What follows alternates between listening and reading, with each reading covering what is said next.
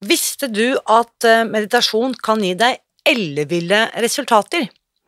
I dag forteller Jannicke Wiel hvordan Joe Dispensas teknikker har gitt henne mer kraft, bedre helse og inspirasjon til å fullføre en bok.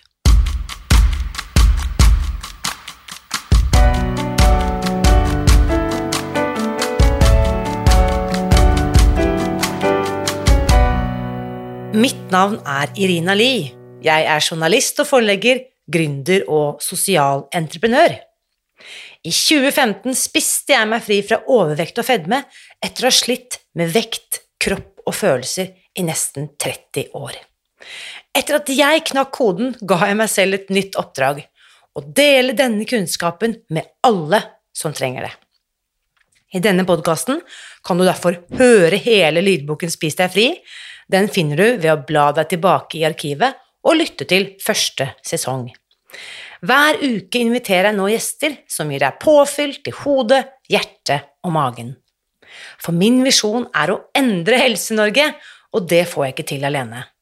Du bidrar ved å abonnere på podkasten, skrive en omtale i iTunes og tipse meg om hvem jeg burde invitere hit. Da setter vi i gang med ukens episode. Hvis du syns at det er noe kjent med ukens gjest, så stemmer det. Min gode venninne og yogalærer Jannicke Wiel har vært med som gjest her to ganger tidligere for å snakke om yoga. Denne uken har jeg invitert henne tilbake for å snakke om meditasjon. Vi er nemlig begge fan av Joe Dispenza, og i forbindelse med at jeg gir ut hans bok på norsk dette året, har jeg invitert Jannicke til å dele sine erfaringer om hvordan hun bruker disse teknikkene for å gi seg selv en bedre hverdag.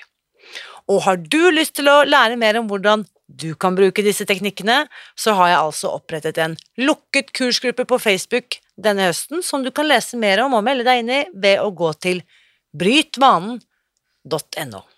Men aller først, her er ukens gjest. Kjære Jannike, velkommen tilbake til podkasten. Så utrolig hyggelig å være her igjen. Du har jo vært med ikke én gang, men to ganger før. Alltid hyggelig. yes. Og da har du snakket om de bøkene du selv har skrevet. Men i dag så skal vi snakke om en bok og en forfatter som vi begge to er veldig fan av. Han har vært så viktig for å inspirere meg. Yes. Mm. Mannen vi snakker om, er selvfølgelig Joe Dispenza, som er eh, mannen jeg tenker på morgen, middag og kveld nå for tiden. Men for de som ikke kjenner deg, Jannicke, og som ikke har rukket å høre de to foregående samtalene vi har hatt på denne podkasten, kan ikke du bare fortelle litt om deg selv? Jeg er eh, yogalærer. Jeg driver Oslo Yoga, som er et stort yogasenter i Oslo. Det har jeg drevet i 20 år, siden 2001. Ja, så da blir det 22 år. Eh, jeg har skrevet to bøker. Den første heter Hva er yoga?, og den andre heter 'Yoga magi'. Yoga magi skrev jeg sammen med Vibeke Klemetsen, og den kom ut i januar. Og lå på bestselgerlistene i seks uker, eh, så det var veldig gøy. Um, jeg eh, underviser i yoga til daglig, og yoga betyr mye for meg både som en fysisk praksis, men også i veldig stor grad som en mental praksis. Eh, og det er jo der vi nå har mye til felles um, med tanke på Joe Dispensas arbeid. Ja, ikke sant? Fordi, um, bare for å ta litt Vi snakket jo også om dette ganske inngående i vårt første intervju, nemlig når Hva er yoga kom ut. Det var på universitetsforlaget, var det ikke det? Ja, i 2020. 2020, Rett før verden ble stengt ned. Det var et av de siste intervjuene jeg gjorde sånn på ekte.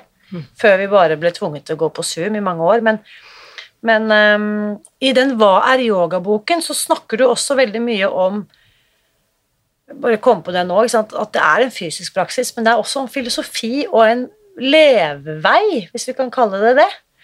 Uh, og det merker jeg jo også er med Joe Dispenza. Det er en vitenskap, og det er fysiologiske ting man kan forstå, men det er også en måte å møte livet på. Er du med på tanken? Ja, jeg er helt, helt enig. Det handler jo så mye om hvilken holdning vi lever med. Eh, og det tenker jeg jo, det å eh, jobbe med mental helse, det å finne ut hvilke tanker er det jeg velger. Det handler ikke bare om at nå skal jeg velge hva slags bevegelser jeg skal gjøre som er sunne for kroppen, men også hvilke tanker skal jeg velge som er sunne for meg mentalt, og som tar meg dit jeg vil gå. Sant? At vi kan være litt bevisst og gjøre gode mentale valg. Eh, og det opplever jeg at uh, Joe Dispenza er veldig god på å forklare hvorfor vi bør gjøre på ulike måter. Så bare for å starte litt der, hvordan, hvordan fant du Hvordan var det Joe Spencer fant deg, eller hvordan var det du fant han? Hva, hva, hva er linken her? Jeg tror jeg hadde hørt om Joe Spencer gjennom flere ulike personer som hadde tipset meg om meditasjonene og foredragene, og så had, kom jeg ikke i gang med det, men Vet du sånn cirka når det var? Var det to år siden, eller 20 år siden? Nei, eller? nei. Eh, jeg tror det var da mannen min fikk korona, Ja. at jeg kom borti det. Så det er vel Er det et, et og et halvt år siden? To og et halvt år siden? Når var det folk Den der store bølgen hvor veldig mange fikk eh, korona? Det var vel høst eh, 2020, vinter 2021, tenker jeg. Vin vinter 2021 eller vinter 2022. Ja. Ja. Da husker jeg ikke når det var, men i hvert fall um, Et par år siden, da, sier vi. et par år siden, så det er ikke så lenge siden. Men det som uh, skjedde Jeg har vært veldig opptatt av immunforsvaret vårt, og tanken på at immunforsvaret vårt er det viktigste å styrke i møte med sykdom. At det er det aller viktigste. Og immunforsvaret vårt har vi jo mulighet til å påvirke. Vi kan påvirke det gjennom yoga og meditasjon, gjennom avspenning, at vi roer ned, fordi at immunforsvaret styrkes når ro- og hvilenervesystemet aktiveres. Og selvfølgelig gjennom sunt kosthold, gjennom C-vitamin og diverse eh, kosttilskudd kan vi styrke immunforsvaret vårt. Og det var så utrolig viktig for meg gjennom hele den perioden med nedstengning å tenke på hvordan jeg som yogalærer kunne bidra til å hjelpe å styrke folks immunforsvar. For hvor mye kunne vi gjøre i møte med dette viruset? Vi kunne gjøre noe i oss selv. Ikke sant? Ofte er det jo mer vi kan gjøre i oss selv enn eh, å påvirke ting i den ytre verden, så det var en viktig agenda for meg.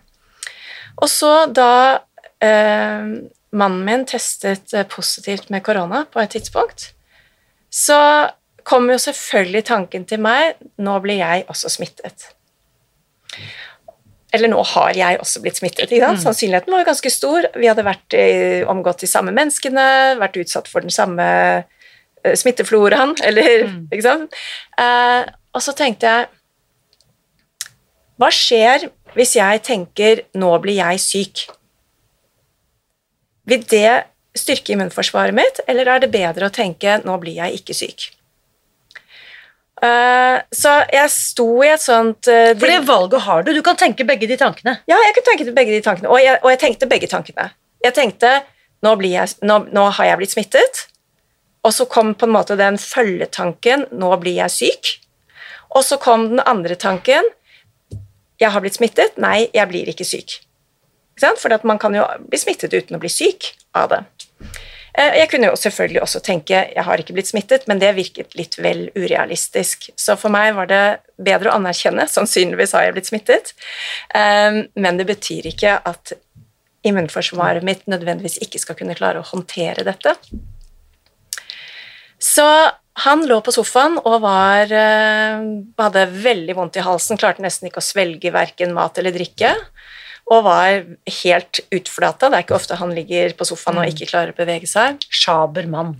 Han var eh, ganske sjaber den dagen, og det ehm, Og så gikk jeg på Jeg holdt på å jobbe med et eller annet, og så var jeg innom YouTube, og så på et eller annet tidspunkt så Du vet sånn det kommer, kommer en sånn reklame eh, som man ikke har lyst til å se på, som man bare har lyst til liksom, å få til å gå vekk. bort. Mm. Men denne reklamen den sto en ti sekunder igjen, og den var ikke til å klippe bort. Og det var veldig mye sånn stjerner og planeter, og så kom det en damestemme som sa det er en grunn til at du ser akkurat dette her. Det var amerikansk, da. Og det er noe du skal lære. Og jeg tenkte bare sånn, hva er det for noe? Skal jeg, her er det noen som prøver å selge et eller annet. Det er sikkert noe skikkelig lureri. Men så ble jeg veldig nysgjerrig, for jeg tenkte er det et budskap til meg? Er det noe jeg skal lære her? Så jeg så hele reklamen, og så gjorde jeg noe som jeg ikke pleier å gjøre så ofte. Det var jeg trykket på lenken. Så jeg lot meg eh, rive med av reklamen og trykket på lenken. Og da kom jeg til et sted hvor jeg ble invitert til å være med på et gratis webinar. Så jeg tenkte ok, når kommer betalingsdelen? For det er helt sikkert noe man skal kjøpe her et eller annet sted. Men gratis webinar, kanskje jeg kan være med på det. For det, det som temaet var for denne reklamen og gratis webinaret, var tankens kraft. Nettopp. Mm. Så tenkte jeg ok, kanskje det er meningen at jeg skal se dette. Uh, og man måtte da velge tidspunkt man skulle være med på dette gratis webinaret. Uh, og da tenkte jeg ja, men jeg blir med på dette klokken seks, ja, det er bare om 45 minutter. Istedenfor å bli med det dagen etter eller neste uke. Så jeg sa til mannen min her er litt mat og her er litt varm fennikelte, ta dette her, jeg skal på webinar. Og så var det et så utrolig inspirerende webinar, for det handlet om tankens kraft. Og det handlet om en kvinne som hadde helbredet seg selv fra Ja, hva var det det var for noe? Dette hadde skjedd på 60-tallet. Uh, hun trodde hun skulle dø, og trodde hun skulle miste nyrene, og mistet den ene nyren, men den andre beholdt hun. Takket være at hun bestemte seg for å mm. visualisere at nyren ble frisk. Og hun fortalte om hvordan hun hadde fått støtte, og hvem som hadde hjulpet henne, og hun ble jo en kjempecoach og har brakt dette her som en stort budskap gjennom utallige kurs da, siden 70-tallet. Så jeg ble veldig fascinert av dette her, liksom tankens kraft. Og så skjønte jeg at hun som presenterte dette webinaret, ikke den gamle damen som hadde helbredet seg selv, men den andre, hun hadde fått inspirasjon fra Joe Dispenza. Nettopp. Så eh, selvfølgelig Budskapet var jo soleklart til meg. Jeg betalte ikke for noe videre kursing, for det kostet jo sant, kun kroner 7000, som var rabattert med sant, 10 000. Jeg tenkte dette skjønner jeg essensen av, jeg kan gjøre det selv. Så jeg la meg ned på sengen og begynte å visualisere Den samme kvelden etter webinaret? Ja, ja, samme kvelden begynte å visualisere hvitt helbredende lys. Hvitt helbredende lys, som, og at alt det som var av viruser og bakterier, og alt som angrep kroppen min og immunforsvaret mitt, at jeg bare ble spist opp og forsvant pga. dette hvite, helbredende lyset. Neste dag begynte jeg å kjenne en antydning til sår hals, og jeg fortsatte å ligge og visualisere at pusten min fylte meg med en kraft som tok bort eh, virusene og bakteriene. Jeg forestilte meg at jeg renset halsen. Og det var helt fantastisk, fordi at hver gang jeg gikk inn i en sånn ny avspenning, meditasjon og visualisering, så ble halsen mye bedre. Og den ble aldri i løpet av hele uken hvor jeg da testet positivt på korona. Du testet positivt? Jeg testet positivt da, To dager etter så testet jeg positivt. Men gjennom hele uken så fikk jeg aldri noe mer enn bare en liten antydning til litt sår hals. Og det var helt fantastisk. Mannen min lå jo helt utslått i flere dager, og vi mm. var masse sammen, spiste sammen og gjorde alt vi pleier sammen. Og jeg skal ikke si at man nødvendigvis kan visualisere bort alt og helbrede alt, og at man ikke skal gå til lege og få medisiner. Absolutt ikke. Jeg tenker jo at dette her er komplementært mm. til annen type behandling. Mm. Um, så jeg fortsetter å drikke fennikelte og spise C-vitamin og sink og alt dette her som er bra for immunforsvaret. Men det er jo helt åpenbart at avspenning og meditasjon roer eh, nervesystemet som da er med på å styrke immunforsvaret. Så det var en så utrolig fysisk erfaring på tankens kraft mm. og hvordan jeg kan påvirke min egen kropp. Så jeg var jo selv om jeg var da i karantene, ikke kunne jobbe, eh, så var jeg ute og gikk tur med hunden og sto på hodet og gjorde hva enn jeg pleier å gjøre ellers. Jeg står ikke så ofte på hodet, forresten, men jeg, det var bare litt morsomt å på en måte kunne gjøre helt yes. vanlige ting, da. Um, så det ble en veldig sterk bekreftelse for meg på at hva vi tenker, er utrolig viktig.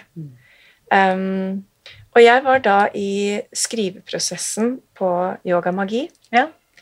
Og jeg vil jo veldig gjerne ta inn den historien i Yoga Magi, fordi at vi har jo flere kapitler som handler om dette med tankens kraft i denne boken. For den, den mentale delen av yoga er så viktig i Yoga Magi. Men forlaget opplevde ikke at de kunne ta ansvar for å publisere en sånn Nettopp. historie, for de ville ikke eh, forespeile folk at de kunne kurere seg Så selv. dette er kunnskap vi må holde litt skjult. Ja, de kan, det, det, Det blir for esoterisk. det blir for esoterisk, og det kan på en måte lett komme i konflikt med eh, jeg vet ikke, legevitenskapen eller det etablerte, eller Man må være så forsiktig med hva man sier på trykk. Og jeg prøver virkelig å være forsiktig også når jeg sier det nå. Jeg vil på ingen måte kunne love at man kan kurere seg selv for ulike plager bare ved hjelp av visualisering, men det skader ikke å prøve. Hvorfor ikke bruke den muligheten vi har, den kraften vi har, og bruke sinnet vårt på en måte som støtter oss best mulig? For det er klart at går jeg inn i frykt og panikk og beredskap med en gang med sånn, 'Nå blir jeg syk, nå blir jeg syk.' ikke sant? Med en gang skapes stressreaksjoner som helt åpenbart undergraver immunforsvaret. Og det tror jeg ingen leger vil være i tvil om. Man vet jo, Leger anbefaler jo avspenning og meditasjon og yoga for helsen. For å ikke sant, redusere blodtrykk og for å styrke vår evne til å sove og altså, hva det nå er for noe. Men det der å finne den balansen Hvor mye kan jeg si som jeg tror på, som jeg tror kan hjelpe mennesker til å ta enda mer grep om sitt eget liv, uten at vi lager illusjoner eller forespeiler folk gull og grønne skoger. Og ja, Joe Dispenza er jo kanskje ikke så veldig snau i forhold til å forespeile folk at de kan påvirke veldig mye i livet. Ja, Men det som er interessant med han, da, som jeg tenker også som i hvert fall gjør at jeg har stor eh, tiltro til det han formidler, er at han kommer med en påstand, men så får han jo uavhengige forskere til å etterprøve de påstandene han kommer med, eller de, de tingene han har erfart da, i sine hva skal vi si, fellesskap eller communities. Slik at nå innhenter jo vitenskapen mange av de påstandene han har kommet med, eller det vi mange av oss har erfart. da. Så kan vi se hva som skjer på molekylært nivå og biokjemisk, og se hvordan hormonsystemene påvirkes av at vi mediterer. Og, så da får vi, sånn som han sier, er at uh, science is the modern word for mysticism. Så liksom vitenskapen er det nå som er det, det nye mystiske. Hvor vi, vi, vi en, del, Altså vår intellektuelle, akademisk styrte verden er så opptatt av at det må være vitenskapelig dokumentert. Men det er jo interessant, for først så må vi jo erfare noe i virkeligheten. Og la oss da si at du har en spontan tilfriskning fra covid, for eksempel, bare for å ta det som et eksempel. Så må jo først det erfares før vi vitenskapelig kan gå etter i sømmene og se hva var det som skjedde her. Og det gjør vi jo nå, eller det gjør han, da. Eh, På felt etter felt. Men det betyr også at vitenskapen kommer alltid til å henge etter. Ja, ikke sant? Og det var jo, når jeg begynte å lytte til Joe Dispenza sine foredrag, så forsto jeg jo at det som gjorde at han kom inn i dette feltet han var Han var jo kiropraktor, og så var han utsatt for en ulykke, var på sykkel, ble påkjørt mens han var midt i et stort ritt, og brakk ryggen. Og mens han lå på sykehuset, fikk beskjed om at her må du sette inn en stål, eh, et stålrør eller noe som gjorde at ryggen ikke ville kunne være bevegelig lenger.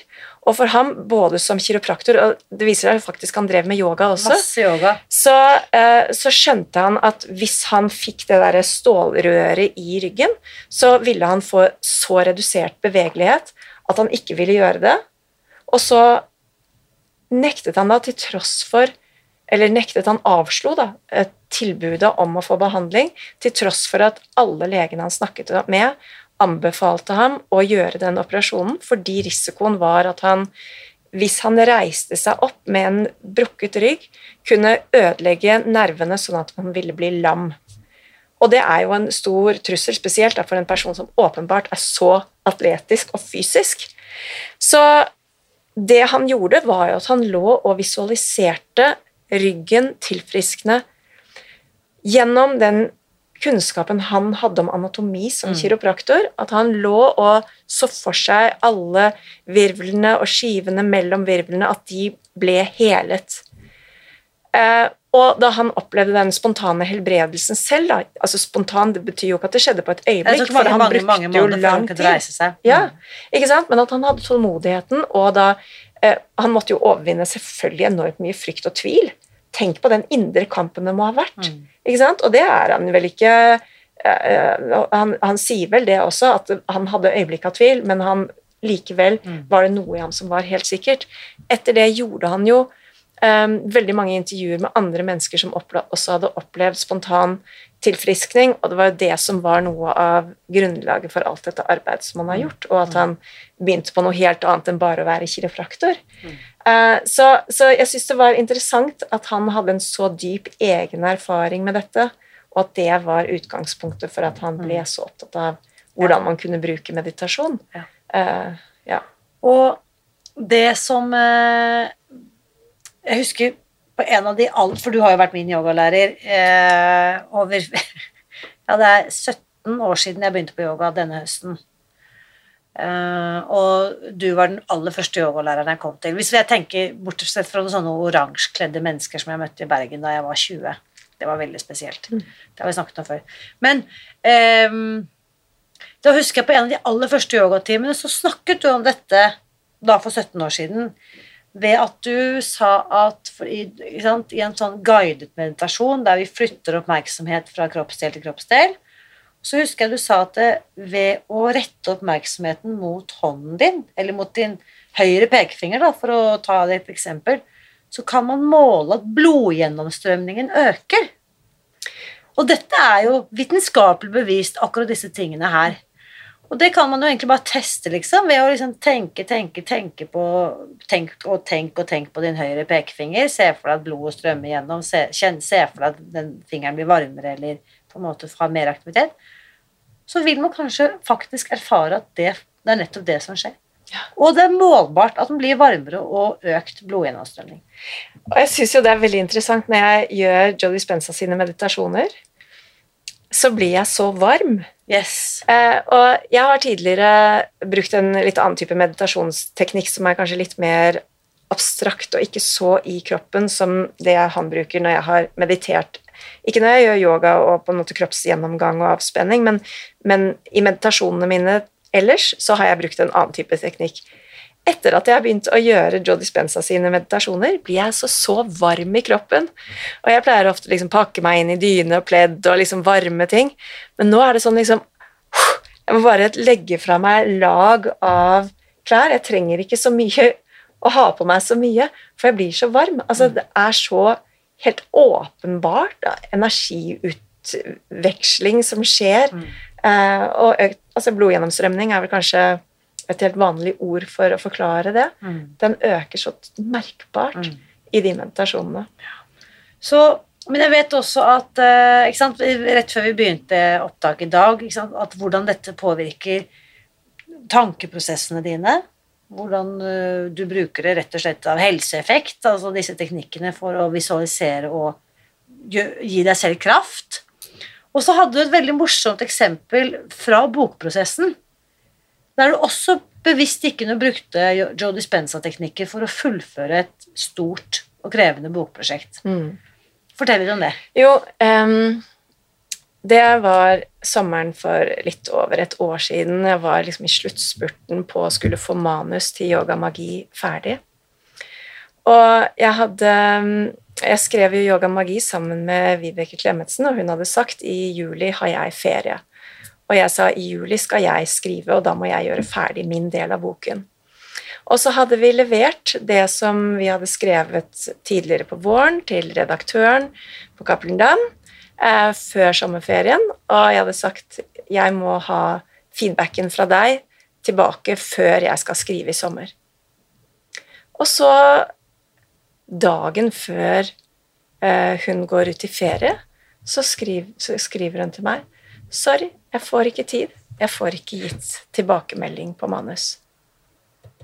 Og jeg tenkte nå Hvordan i all verden skal jeg klare å få manus ferdig hvis jeg ikke får noe tilbakemelding fra redaktøren. Det er jo nettopp i denne dialogen med redaktøren hva man får vite at og her må det kortes ned, og her må det være, fylles ut, og her må det samles, og dette må forklares bedre. Så jeg hadde jo tenkt at nå hadde jeg liksom levert ferdig et førsteutkast, og nå skulle jeg gjøre ferdig og finpusse alt sammen. Så jeg ble så fullstendig satt ut. Og det var helt sikkert ikke hennes skyld at hun hadde hatt så mye å gjøre, og så mange andre bøker som da skulle ut, og hvor ting måtte leveres til trykk før sommerferien. Så det var ikke mulig for henne å prioritere yogamagi. Men for meg som da hadde sommerferien til å jobbe med dette her, og visste at jeg har ikke tid til å jobbe med det til høsten når hun er tilbake og klar, at jeg må jo bare gjøre dette her alene. Og jeg kjente meg så overlatt til meg selv, og jeg gikk inn i en sånn total sånn offertankegang og 'Stakkars meg, hvordan skal dette gå?' og 'slemme henne' ikke sant? Det var, Hele pakka. Bebreide henne og synes veldig synd på meg selv. Og så startet liksom, den første uken av ferien, og jeg gikk rundt og bare liksom surmulte og, og kjente meg nede. Og så etter tre dager så tenkte jeg Jannicke, hva er det du gjør nå? Nå har det gått tre dager av denne verdifulle skriveperioden, og det eneste du gjør, er å gå og tenke på deg selv som et offer for denne situasjonen. Nå må du bare skjerpe deg. Nå blir du nødt til å ta deg sammen, for du skal jo altså, Det nytter ikke at du bare sier det var hennes skyld. Nå at det, det, er meg som sitter med ansvaret for denne boken, og ikke bare sitter med ansvaret for denne boken, det er meg som vil gjøre det til en god og inspirerende yogabok. Mm. Det, det, jeg har jo en ambisjon om dette her, så hjelper ikke å si at noen andre er skyld i at det ikke ble bra. det, er jo et enormt tankeskift, da. Ja, det var et kjempeskift. Det var et kjempeskift. Og så tenkte jeg nå må jeg bare støtte meg selv til å gjøre dette skiftet, for det var skjørt. Jeg merket hvordan jeg ikke sant, jeg skjønte at jeg måtte gå der, men det var noe som hang igjen i den offertenkingen.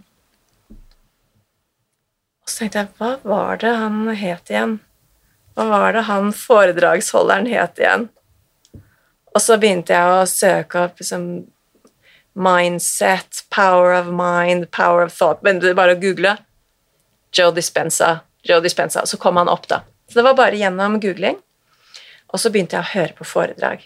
Og da gikk jeg på tur i skogen med hunden min, hørte på foredrag. Kanskje 10 minutter, kanskje 20 minutter, kanskje 50 minutter, kanskje to timer. Og jeg bare hørte og hørte og mm. hørte på disse foredragene, og med en gang, altså fra dag én hvor jeg begynte å høre på disse foredragene, fikk jeg altså sånn enorm kraft. Mm. Jeg savner fortsatt ordet for empowerment på norsk, ja. men det var en sånn opplevelse av myndiggjøring og kraft at jeg tenkte jeg kan gjøre dette. Jeg er villig til å ta ansvaret for å gjøre dette til den best tenkelige boken dette kan bli. Hver side av denne boken skal bli fylt av inspirasjon og tro på at jeg kan, tro på at du kan, tro på at vi kan, som mennesker, skape våre egne liv. Så det ble jo nøkkelen til å både skrive ferdig boken Jeg vet at mange kapitlene følte jeg meg utrolig inspirert når jeg skrev. Og også når jeg da leste gjennom ting som jeg hadde skrevet tidligere, så begynte jeg å se på språket. Man går inn i litt sånn detaljer av skriveprosess. Jeg er jo veldig opptatt av språk, og det er jo du også. Men jeg begynte å se på hvordan hvert avsnitt var formulert. Eh, og begynte å tenke ok, hvordan kan jeg vri dette innholdet i dette avsnittet på en måte som gjør at det får en positiv ladning. Og det betyr ikke at man ikke kan snakke om at eh, vi opplever stress og vi opplever utfordringer i livet, men det må, altså, Istedenfor å liksom gå i dybden på dette som gjør at man, når man leser, så blir man tung, mm. så er det ok, en gjenkjennelse. Vi opplever stress, men her er det noe du kan gjøre. Dette kan vi gjøre. Mm. Sånn at det hele tiden er vinklet fra mulighetenes perspektiv. En anerkjennelse at det er ting som er utfordrende, men dette kan vi gjøre for å gå videre. Og det er interessant, for det, dette er litt stort hopp, kanskje, men jeg tar det likevel, fordi i tolvtrinnsfilosofien, som du vet jeg er veldig opptatt av, så sier vi at noen sitter fast i problemet. Mm. For det er jo et problem, enten du nå går i en selvhjelpsgruppe for alkoholisme eller rusmisbruk eller medavhengighet eller hva det måtte være, så er det jo lett å sitte fast i problemet. Faen, verden er urettferdig, her sitter jeg, er dette offeret, urettferdig, sånn og sånn. Men så er spørsmålet hvor lenge sitter du i problemet før du velger å leve i løsningen? Mm. Og det er jo det du beskriver. Ja. Ja, vi må anerkjenne problemet, for da må vi, for å, for å vite hva som er løsningen, så må jeg først vite hva som er problemet. Men så er jo da eh, muligheten her å velge å praktisere løsningen, da. Ikke sant. Helt klart. Helt Mm. klart. Og det eh, For meg så ble det jo det som ble essensen av hele yogamagi. Troen på at vi kan skape Mm. et annet liv for oss selv. Skape det som vi drømmer om. Mm. Ja, gjennom hva vi tenker, hva vi gjør, hvordan vi bruker kroppen, hvordan vi Mm. bruker pusten, ja, hvordan vi mediterer, Tankene, hvordan vi visualiserer, hvilke tanker vi underholder. Og det, det, eh, det er veldig interessant med, med språk og hva vi formidler Mm. gjennom måten vi sier ting på. Eh, så vi kan, vi kan også påvirke hverandre? Mm. i hvordan andre tenker, gjennom måten vi snakker med dem på. Altså, språk er jo rett og slett koding. Det er jo kommandoer til hjernen vår. Så hvis jeg går rundt og tenker dette får jeg ikke til, dette er vanskelig, så får jeg det ikke til. Mm. Fordi at det er sannheter jeg sier til meg selv. Men hvis jeg da sier at dette er vanskelig, dette blir utfordrende, her må jeg konsentrere meg, dette har jeg ikke gjort før, her må jeg be om hjelp, så, så er det likevel en anerkjennelse av at dette blir krevende. Mm. Men jeg tar tak i mulighetene som ligger der, sånn som du sier da, empowerment. Mm. Så hvis noen som hører dette har et godt norsk ord for empowerment, så blir vi i hvert fall to stykker her som blir glade for det, fordi jeg er helt enig, det er vanskelig å finne empowerment. Ja. Mm. Og jeg er veldig opptatt av dette her. Jeg, eh, I min undervisning av gravide så er jo en av hovedprosjektene mine å gi dem tro på kroppens fødeevne. Ja. Så vi gjør fysiske øvelser, vi gjør pusteøvelser. Visualiseringer. visualiseringer, men det handler om å få tro på at kroppen kan føde. Det er, det er viktig for meg når jeg underviser gravide. Eh, og da gjør vi av og til en sånn utholdenhetsøvelse hvor vi blir, trener oss selv på å bli litt oppmerksomme på hva slags tanker er det jeg tenker.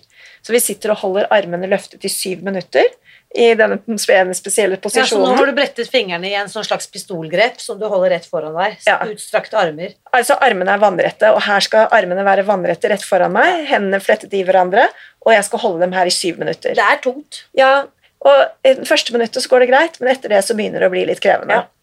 Så hva er det du tenker når du sitter her og skal holde dette her i syv minutter? Hvor, hvor, hva slags tanker kommer opp? Og da kan man jo bli litt kjent med seg selv. Kanskje kommer tanken 'Å nei, jeg klarer ikke. Alle de andre klarer. Jeg er ikke sterk nok.' Mm. Man får de negative tankene. Eller man sier 'Dette skal jeg søren meg klare'. At man får det litt sånn fandenivoldske. Eller, eller bare at man liksom sier 'Jeg klarer det'. Uh, hva enn det er for noe man gjør for å booste seg selv. Så jeg gjorde dette med en gravid eh, for et par år siden. Og så kommer en av deltakerne opp til meg etterpå, og så sier hun Så utrolig interessant at du lærer oss dette, for dette er de samme tingene som jeg jobber med som idrettspsykolog med toppidrettsutøvere. De hadde akkurat sendt av gårde den norske skitroppen til eh, Wow. Japan, eller hvor, nei, hvor den var denne olympiaden var. Eh, mens hun gikk på gravidyoga hos meg, og hun sa at akkurat de samme tingene jobber de med toppidrettsøvere Mm. med. Og jeg syns det var veldig spennende at faktisk så har dette med visualisering og tenkning og mindset blitt en viktig del av det man jobber med i idrett. Mm. At det ikke bare handler om å trene utholdenhet, bevegelighet og styrke, disse fysiske kvalitetene, men at det også handler om hva er det jeg tenker Ja. egentlig? Og i et annet felt hvor dette også nå brer om seg, er jo innenfor business. På en måte coaching av toppledere, eh, teambuilding, altså inn i næringslivet, da. Som man kanskje tenker er veldig langt unna dette her, men det er, det er lett og slett livsviktig kunnskap. Klart For det. det påvirker ikke bare meg, men det påvirker jo også alle rom jeg går inn i. Hvis du skal motivere et team, så er det klart at det mindsettet som du har som Mm. leder, vil jo være kjempeviktig for hva slags ringvirkninger som sprer seg i Mm. hele organisasjonen. Og så er det sånne banale ting, sånn som at uh, går du rundt og tenker at folk er så sure, så kan det jo også hende at det sier noe om ditt mindset. Og går du rundt og liksom Jøss, så utrolig blide og fornøyde alle er i dag. Så kan det jo være at det er du som går rundt i verden og smiler, og så opplever du at alle smiler tilbake til deg. Så, og det, det kan vi Det er bare å teste. Ja. Gå ut på gaten og sette opp det bredeste gliset. Hvis du syns det er pinlig, så kan du ta på deg hodetelefonen og late som du snakker med noen og har en morsom samtale, men bare gå ut på gaten og smil og vær blid og liksom møte blikket til folk. Det er helt utrolig hvor stor effekt det er. Ja, ja, det er kjempespennende. Kjempespennende å se hvordan man kan også møte en person som man Kanskje man tenker å, den personen er sur, og jeg liker den ikke. Og så tenker du nei, nå skal jeg faktisk møte denne personen på en helt annen måte. Og så plutselig så møter du en blid person i den andre, for den personen er ikke vant til å bli møtt med det smilet eh, og den vennligheten. Jeg har jo som journalist måttet ta veldig mange telefoner. Jeg vet at det er ekstremt mange mennesker jeg har skjønt, som har litt sånn telefonangst. Eh, og så var det en som sa til meg en gang hvis det er noen du ikke har lyst til å ringe til, som du syns er litt skummelt, eller det er liksom kanskje en autoritet, eller noen du skal be om en tjeneste, eller be om å stille så Du vet at her er det noe vanskelig som venter deg. Så før du tar Dette var jo gamle dager, da, når vi satt med sånn fysisk telefon, men det gjelder jo samme på mobil, selvfølgelig. Før du ringer vedkommende, at du fysisk smiler for deg selv. Og jeg lover deg, du hører på stemmen at den personen smiler. Så jeg har prøvd det, da. Det har jeg testet i mange sammenhenger. Eh, og i enkelte ganger så måtte jeg ringe til fremmede redaksjonssjefer som da jeg jobbet som frilansjournalist, tilby saker, være på liksom, offensiven, selge meg selv, da. Og tenkte at de Det er jo bare mennesker vi har å gjøre med. Og de vil selvfølgelig heller ha å gjøre med en blid person enn en surmulende, grinebitende frilansjournalist. Smile før du ikke sant, Idet du presenterer deg, sitte for deg selv Du ser deg jo ikke uansett, det spiller ingen rolle hva du gjør. Den energien høres gjennom telefonen. Bare test det. Det Ja, nei, men det er helt klart. Det er klart mm. Man hører på stemmen om noen smiler eller ikke. Ja. Det, det gjør man. Ja. Ja. Og det, det at vi blir bevisst at vi kan ta disse valgene, gjøre forandringer i oss selv som påvirker oss, som påvirker hvordan vi opplever ting, som får ringvirkninger med at det påvirker andre, og som også gjør at vi potensielt får ganske mange andre muligheter, bare fordi det blir skapt en helt ny energi rundt oss. Det er så viktig. Jeg har lyst til å dele en yogaøvelse til som jeg lærte av deg liggende høygravid på matten oppe på Sagene for 17 år siden snart, da. Og det var da eh, følgende. Fordi mange som kommer til yogarommet, det har vi også snakket om på yogalærerutdanningen, som jeg tok hos deg for noen år siden, mange kommer til yogarommet fordi at de har vondt et eller annet sted. Det er smerter, utbrenthet, lidelse av en eller annen art, da, eller en plage. Og så husker jeg du ledet oss inn i en avspenning der vi skulle aktivt lete etter et sted i kroppen som føltes bra. Så kan vi ta den der høyre pekefingeren igjen, da. Akkurat der har jeg ikke vondt. Og så var øvelsen jeg vet ikke om du husker dette, her, men så var øvelsen liksom at vi skulle se for oss at den plassen, da, den prikken på kroppen som var smertefri, at vi kunne liksom se for oss at vi kunne lage en spiral rundt den, og så lage på en måte radiusen rundt denne fingeren, for eksempel, da, som var smertefri, liksom større. Kanskje nabofingeren også hadde det ok. Kanskje hele hånden var ganske avspent og hadde det bra. Og så lå vi der ganske lenge. Til slutt da, så hadde vi på en måte gjort den radiusen så stor at hele kroppen føltes avspent og på en måte beroliget. Og jeg vet jo, altså jeg har jo kjent det på kroppen, at disse teknikkene funker. Så selv om jeg kom inn der med korsryggsmerter, og det var jo så tung at jeg var plattfot blitt og hadde vondt, og nakkespenninger og kjeve, ikke sant, det var ikke måte på. Men bare en sånn oppmerksomhetsøvelse hvor vi forflytter og utvider godfølelsen, da. Så kunne jeg rett og slett dekke hele kroppen i å ha det bra. Jeg syns jo det er fantastisk, fordi eh, det er ikke tvil om at oppmerksomheten påvirker vår opplevelse av smerte. Og det betyr ikke at ikke et område av kroppen kan være smertefullt, men hvor mye skal vi velge å ha fokus på det stedet som er smertefullt, når det også er områder som ikke har smerte? Eh, og, og det området som ikke har smerte, det er jo et ressursområde for oss. Og ved at vi retter oppmerksomheten mot det området som er en ressurs, så gir vi det mer kraft og energi. Det får mer plass i oppmerksomheten vår, og jo mer vi retter oppmerksomheten mot det, jo mer energi gir vi til det, jo mer kommer det inn i vår bevissthet.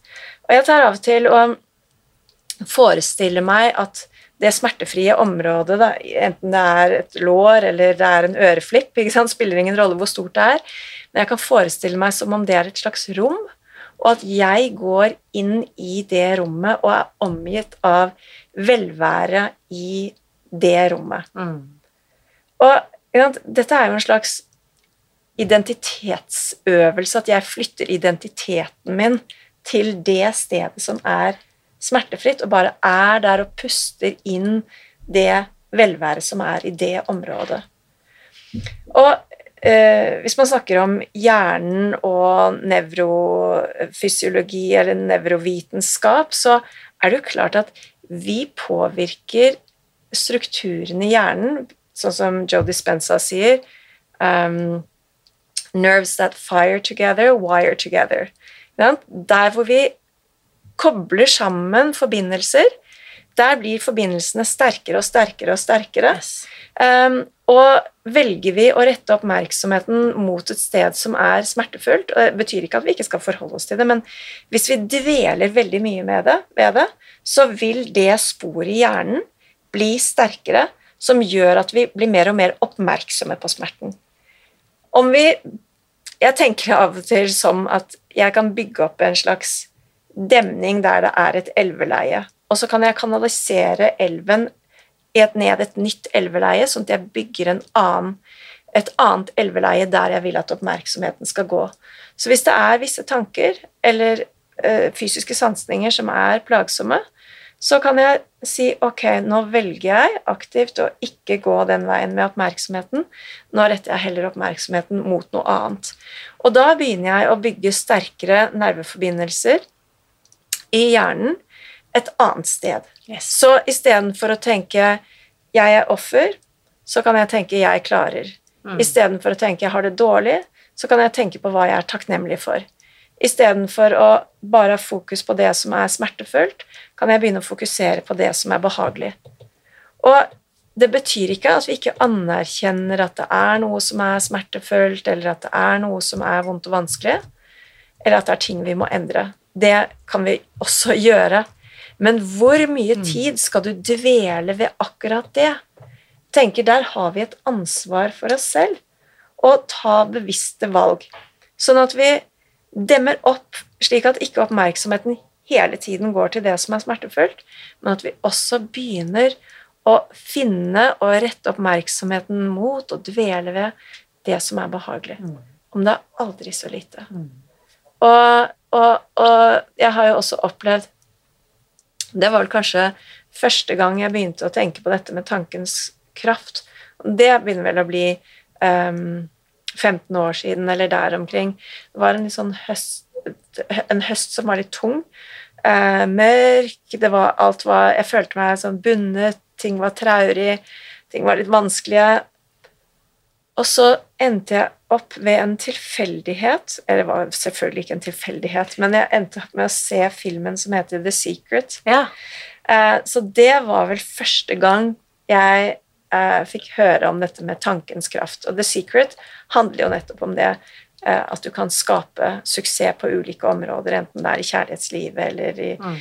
økonomisk, eller det er fysisk på ulike måter at det du retter oppmerksomheten mot, det du gir energi til, det kan du mm. få til å vokse. Så, så The Secret lærte meg å begynne med å praktisere takknemlighet og rette oppmerksomheten mot det som jeg er glad for, og det som er godt i livet. Så begynte jeg å kjenne bare at det fylte meg på en helt annen måte. Det fikk mye mer plass. Og det som er interessant, da, av og til er det jo vanskelig å være takknemlig og glad. Men det er på de tidspunktene hvor vi trener den muskelen, da, mm. i gåseøynene.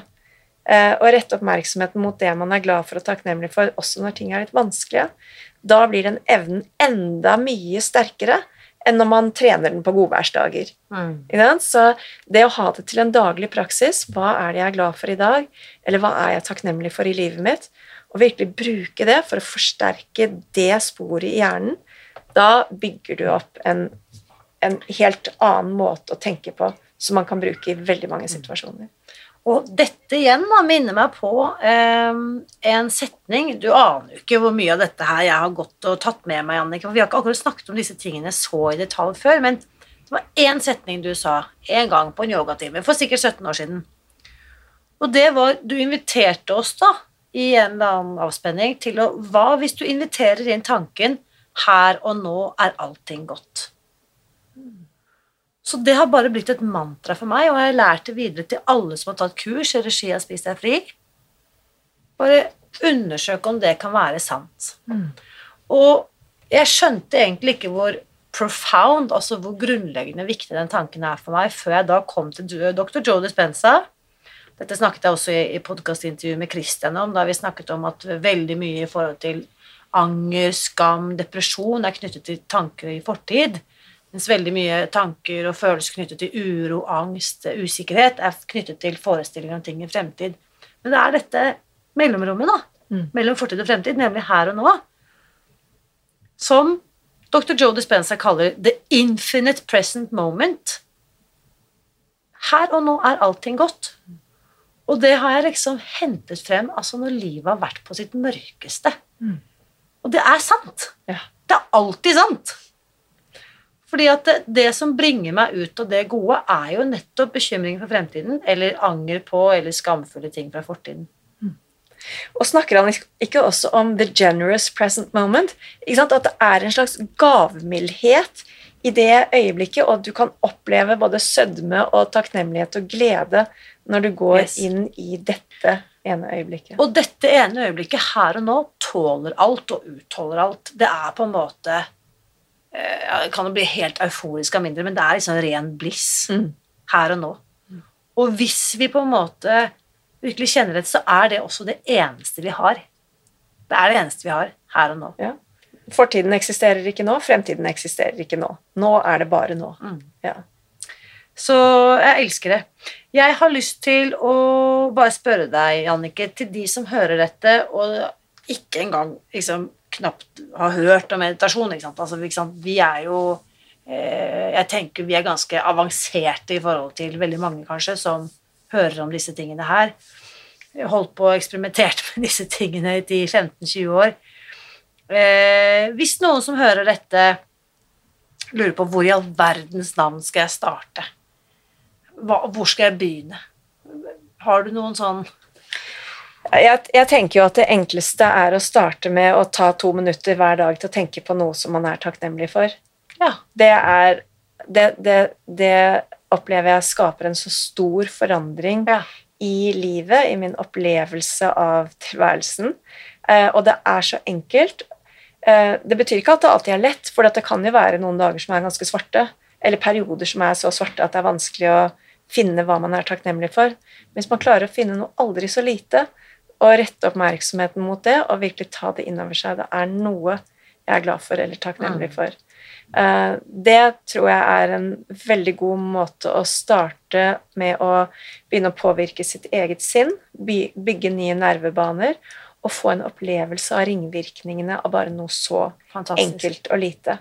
Og, og det, det kan jo være sånn man også sitter, Si at man sitter i en krangel med en annen person, eller har en dårlig relasjon, og så sier man hva Men midt oppi alt dette her, hva er jeg glad for eller takknemlig for Mm. i alt dette?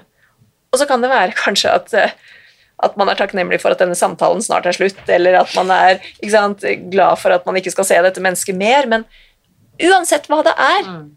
at man bare holder Mm. fast ved det som man er glad for og takknemlig for, og tar det inn, tar det inn over seg Mm. at det er noe. Eh, det tenker jeg er med på å omstrukturere sinnet og hjernen og gir deg en opplevelse av at du kan påvirke noe i Mm. livet ditt. Og det som jeg da kom til å tenke på, jeg må bare legge til det, og det har jeg hørt både på yogalærerutdanningen og mange andre steder jeg har fartet rundt de siste årene, nemlig det at hjernen kan ikke ha to tanker i hodet samtidig. Mm. Så når de negative, selvmedlidende offertankene dukker opp, og hvis jeg da velger å eller minne meg selv på at jeg kan gå til takknemlighet, så klarer jeg ikke være både et offer og takknemlig samtidig. Nei, så hjernen kan bare holde én tanke om gangen. Så du kan selv velge hvilken tanke du vil ha. Og jo mer vi trener på det å velge tankene våre, jo sterkere blir vi, jo yes. lettere er det. Og det er klart at det er vanskelig i begynnelsen. Det er akkurat som en hvilken som helst fysisk øvelse kan være vanskelig i begynnelsen når man ikke har gjort den før. Så det, dette er en treningssak. Det er en form for mental trening. Og det er jo derfor det er utrolig godt både å høre Dr. Joe Dispenza, lese bøkene hans, få påfyll og omgås andre mennesker som tenker på denne måten, for vi trenger bekreftelse igjen og igjen fordi at vi har trent så utrolig lenge på å tenke på en annen måte. Så vi må bare anerkjenne at det kommer til å ta tid, og i denne prosessen hvor jeg vet at det tar tid, da må jeg bare gi meg selv oppbacking. Sånn som jeg ga meg selv oppbacking med å høre på foredragene hans gjennom en hel sommer. ikke sant? Seks uker med daglige foredrag. Og det gjør ingenting at man av og til hører på det samme flere ganger, fordi at man kan fortsette å kultivere den tankerekken i sitt eget sinn og bli kjent med den. Og så må jeg bare minne om, for de som hører dette, Jannicke er jo en av de mange mange fantastiske menneskene eh, som har takket ja til å Jeg kaller dere Joe Dispenza-eksperter, bare så du vet. Eh, en av mange som har takket ja til å være med denne Facebook-gruppen vår, Bryt vanen. Så hvis du har spørsmål til dette intervjuet, eller kommentarer eller tilbakemeldinger til Jannicke eller meg, så kan du også være med der. Det kan du lese mer om på brytvanen.no. Og så kommer jeg, for nå, nå denne episoden er slutt, så kommer jeg til å be deg bli med inn i den gruppen, Jannicke, hvor du skal vise oss hvordan du praktiserer Joe Dispenza-pusten. Det får da bli en bonus for de som er med i Facebook-gruppen. Ja, det er en veldig fin pusteøvelse som jeg spenst. bruker veldig ofte. Yes. Da må jeg bare si takk for denne gang. Tusen takk, Irina. Veldig hyggelig å være her igjen. Nå lurer jeg på, hva tenker du etter å ha hørt min samtale med Jannicke i dag? Samtalen etter ukens episode fortsetter som vanlig i den åpne Facebook-gruppen Spis deg fri, så bli med over dit og del dine tanker og takeaways etter å ha hørt dette. Og skulle denne samtalen ha gitt deg lyst til å lære mer om meditasjon og hvordan du kan bruke disse teknikkene i din hverdag, så vil jeg på det varmeste invitere deg inn i den lukkede kursgruppen Bryt banen, som du kan lese mer om ved å gå til brytbanen.no. Her eh, inne i denne kursgruppen eh, treffer du også en lang rekke Joe Dispensa-entusiaster som deler sine tips og erfaringer med denne metoden. Her kreves det ingen forkunnskaper, du kan gjerne være nybegynner, det er bare en fordel. Og inne i kursgruppen så finner du også en bonusvideo med ukens gjest, Jannicke, hvor hun viser hvordan hun bruker denne kraftfulle energipusten som eh, Joe Dispenza har snakket mye om. Alt dette får du altså tilgang eh, på ved å gå til www.brytbanen.no. Eh, jeg gir deg muligheten til å delta på meditasjonskurset som jeg har laget, og få tilgang til Annike og de andre ekspertene gjennom hele høsten for kun 1111 kroner. Og bare for å legge til det også, alle inntektene fra denne kursgruppen går uavkortet til å finansiere utgivelsen av den norske oversettelsen av bøkene til, en av bøkene til Joe Dispenza, som på norsk vil få tittelen Bryt vanen med å være deg selv. Den skal du også selvsagt få høre mer om når vi nærmer oss utgivelsen i, eh, mot slutten av desember. Uansett, det jeg vil at du skal huske på, det er at uansett hva du gjør for å ta vare på deg selv nå når mørket senker seg, så vit at jeg heier på deg. Alltid.